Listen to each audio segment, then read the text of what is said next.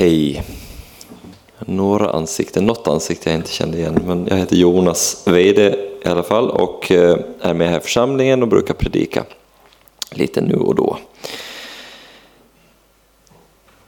Tomhet, idel tomhet, säger predikaren. Tomhet, idel tomhet, allt är tomhet. Vad får människan ut av all sin möda under solen? Så inleder predikaren sin reflektion över tiden och under en tid nu har det här varit, jag kan stämma in i de orden. Och med risk för att ta er med in i en fullt utblommad 40-årskris så eh, vill jag ändå börja med den här eh, predikan att ta oss med in i öknen. För eh, visst griper hopplösheten om våra hjärtan emellanåt och i, särskilt i dessa tider när krigen rasar och ekonomin eh, kämpar för att alla ska ha mat på bordet. Och korrupta makthavare styr världen och det är inte enkla tider. Och på toppen av allt det här också så har vi kampen mot klimatet. Eller för ett bättre klimat. Och för att inte de här förstöringarna ska låta vår jord gå under. Den här kampen har under hösten varit tydligare för mig eh, och eh, som sagt kan ha någonting med åldern att göra, men det har varit svårt att hitta en riktning tycker jag i det här när man matas med domedagsprofetior och det här kommer inte gå och det här kommer bli så här och vi ser ingen ljusning i det här. Eh, så dagens predikan att Guds, om Guds rike är nära, den är verkligen till mig. Och jag hoppas att det är fler av er också som ska känna igen er i det. För trots den här dystra inledningen så tar vi sikte mot hoppets stråle. Guds rike är nära. Eh, dagens evangelietext är från Markus 1, 14-15 och jag har glömt att förbereda mina vänner nere vid, vid eh, ljud och ljus, ljusbordet, höll jag på att säga. Eh, men den, eh, jag, ska, jag ska läsa hela från Markus 1, 1 också. Om ni eh, hinner få fram den där, ja men visst du. För jag ska berätta lite mer varför det är viktigt att ha med de här eh, verserna innan också. Men vi läser från Markus eh, första kapitlet, första versen. Här börjar glädjebudet om Jesus Kristus, Guds son. Som det står skrivet hos profeten Jesaja, se jag sänder min budbärare före dig han ska bereda vägen för dig. En röst ropar i öknen, bana väg för Herren, gör hans stigar raka.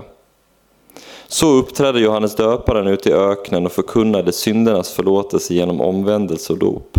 Och hela Judeen och alla i Jerusalem kom dit ut till honom och de bekände sina synder och döptes av honom i Jordan. Johannes var klädd i kamelhår och hade ett läderbälte om livet och han levde av gräshoppor och vildhonung.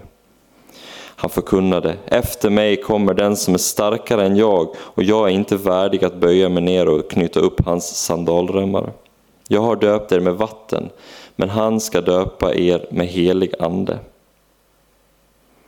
Vid den tiden kom Jesus från Nasaret i Galileen och döpte i Jordan av, eh, av Johannes. När han steg ut, upp ur vattnet så såg han himlen dela sig och anden komma ner över honom som en duva. Och en röst hördes från himlen. Du är min älskade son, du är min utvalde. Anden drev honom ut i öknen och han var i öknen i 40 dagar och sattes på prov av Satan. Han levde bland de vilda djuren och änglarna betjänade honom. Och nu till Eh, dagens text. När Johannes hade blivit fängslad kom Jesus till Galileen och förkunnade Guds budskap och sa Tiden är inne, Guds rike är nära. Omvänd er och tro på budskapet. Så lyder det heliga evangeliet. Markus gör ingen lång inledning, utan han går ju ganska rätt på sak. Här får vi liksom hela bakgrunden till, eh, det är liksom från början här. Han eh, går direkt på saken om att det här är det Jesus vill komma och presentera. Och han presenterar själva bakgrunden till glädjebudskapet om Jesus Kristus. Och advent det är en tid att förstå bakgrunden. Eh, för att vi ska kunna förbereda oss för att ta emot Jesus när han kommer till oss som människa i stallet på juldagen. Och jag tänker också det här att förbereda sig, det är inte bara rent teoretiskt att förstå bakgrunden, att kunna läsa texterna, utan att faktiskt få erfara att detta är sant. Advent kallas lilla fastan och i kyrkans historia har det här varit en tid just det här att förbereda vårt hjärta för att ta emot Jesus. På julen som ett barn och i påsken som en eh, frälsare som dog och uppstod för att vi ska få leva och ha evigt liv. Och innan vi kommer till de här 14 och 15 versen, nyckelverserna, dagens text, så är det två saker jag vill lyfta från inledningen. Den första handlar om öknen. Johannes var ju budbäraren, profeten som pekade mot Jesus. Det var hans uppgift, att visa det finns någon som kommer efter mig, någon som är större, någon som kommer att eh, verkligen eh, förändra den här världen från grunden. Och här ställer han sig i sällskap med Jeremia som vi hörde i inledningen, med Jesaja som också eh, han citerar i, eh, Markus citerar här i inledningen av sitt, sitt evangelium. Och alla profeter som banat väg och pekat mot Jesus. Se, där är han. Där är han som ska rädda världen. Och precis som profeterna i väldigt mångt och mycket klev de inte in i, liksom, i maktens centrum utan de tog sig lite grann utifrån, från gräsrotsnivån. Han gick, och Johannes gick verkligen hela vägen, han gick dit det var som allra torrast, ut i öknen. Och i öknen är man ju törstig. Salig den som hungrar och törstar efter rättfärdighet, de ska bli mättade. Jeremia pratade om rättfärdigheten. I Saltaren så pratades det om rättfärdighet. Salig den som hungrar efter detta och törstar.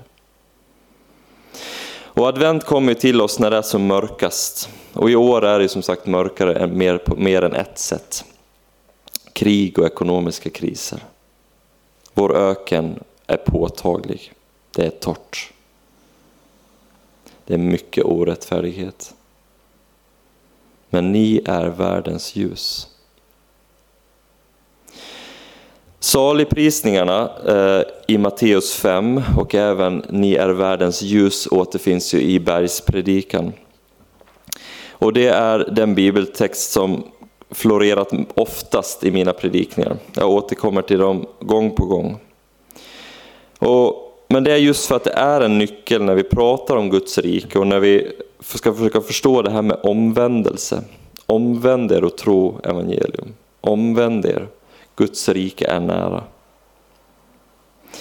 Och den första saligprisningen är liksom nyckeln till nyckeln, om man uttrycker det så. Och den lyder så här, salig de som är fattiga i anden, de tillhör himmelriket, de tillhör Guds rike. Så att fattigdom och törst verkar vara en förutsättning för att kunna se Guds rike, för att kunna få ta del av Guds rike. Så det var den första, öknen. Den andra delen i bakgrunden det är Jesu dop. Där anden kommer ner som en duva och rösten hör från hörs från himlen. Du är min älskade son, du är min utvalde. Det finns mycket att säga om dopet men essensen av detta är den djupa erfarenheten att få vara älskad. Och alla har vi erfarenhet att känna kärlek och ge kärlek på olika sätt. Barn har ofta en starkare förmåga att vara mer direkta i sina känslor och, och reagera och eh, visa vad de behöver och visa när de behöver kärlek och eh, också ge kärlek. Men vi vuxna, eller i alla fall jag, har en tendens att ofta maskera den här eh, både förmågan att, att uttrycka och att ta emot kärlek.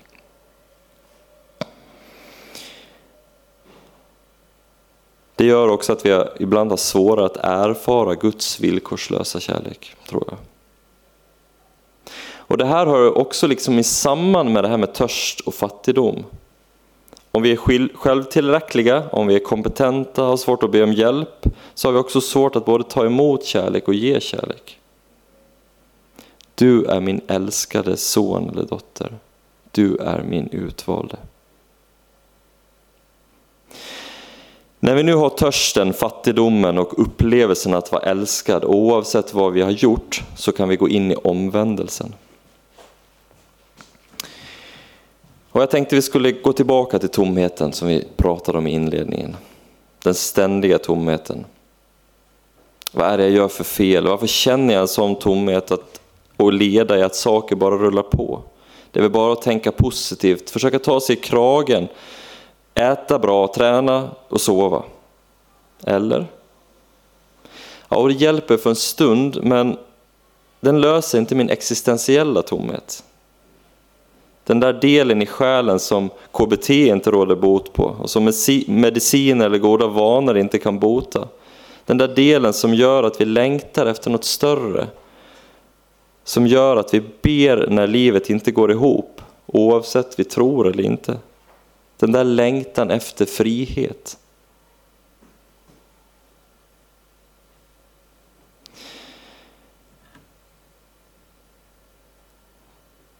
tiden, eh, och när Johannes hade blivit fängslad kom Jesus till Galileen och förkunnade Guds budskap och sa, tiden är inne, Guds rike är nära.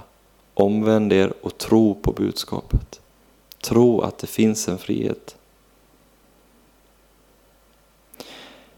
Ett mycket väl använt citat som, av mig som eh, sätter ord på Jesu uppmaning till omvändelse är Magnus Malms ord ifrån eh, ett hjärta större än världen.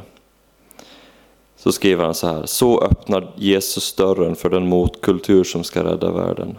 På punkt efter punkt en motsägelse mot den styrkans och rikedomens kultur som har tagit jorden i sitt strypgrepp och som gör det allt svårare för oss att komma ihåg hur det är att vara människa. Ett lågmält frihetens manifest för de tyngda och jagade.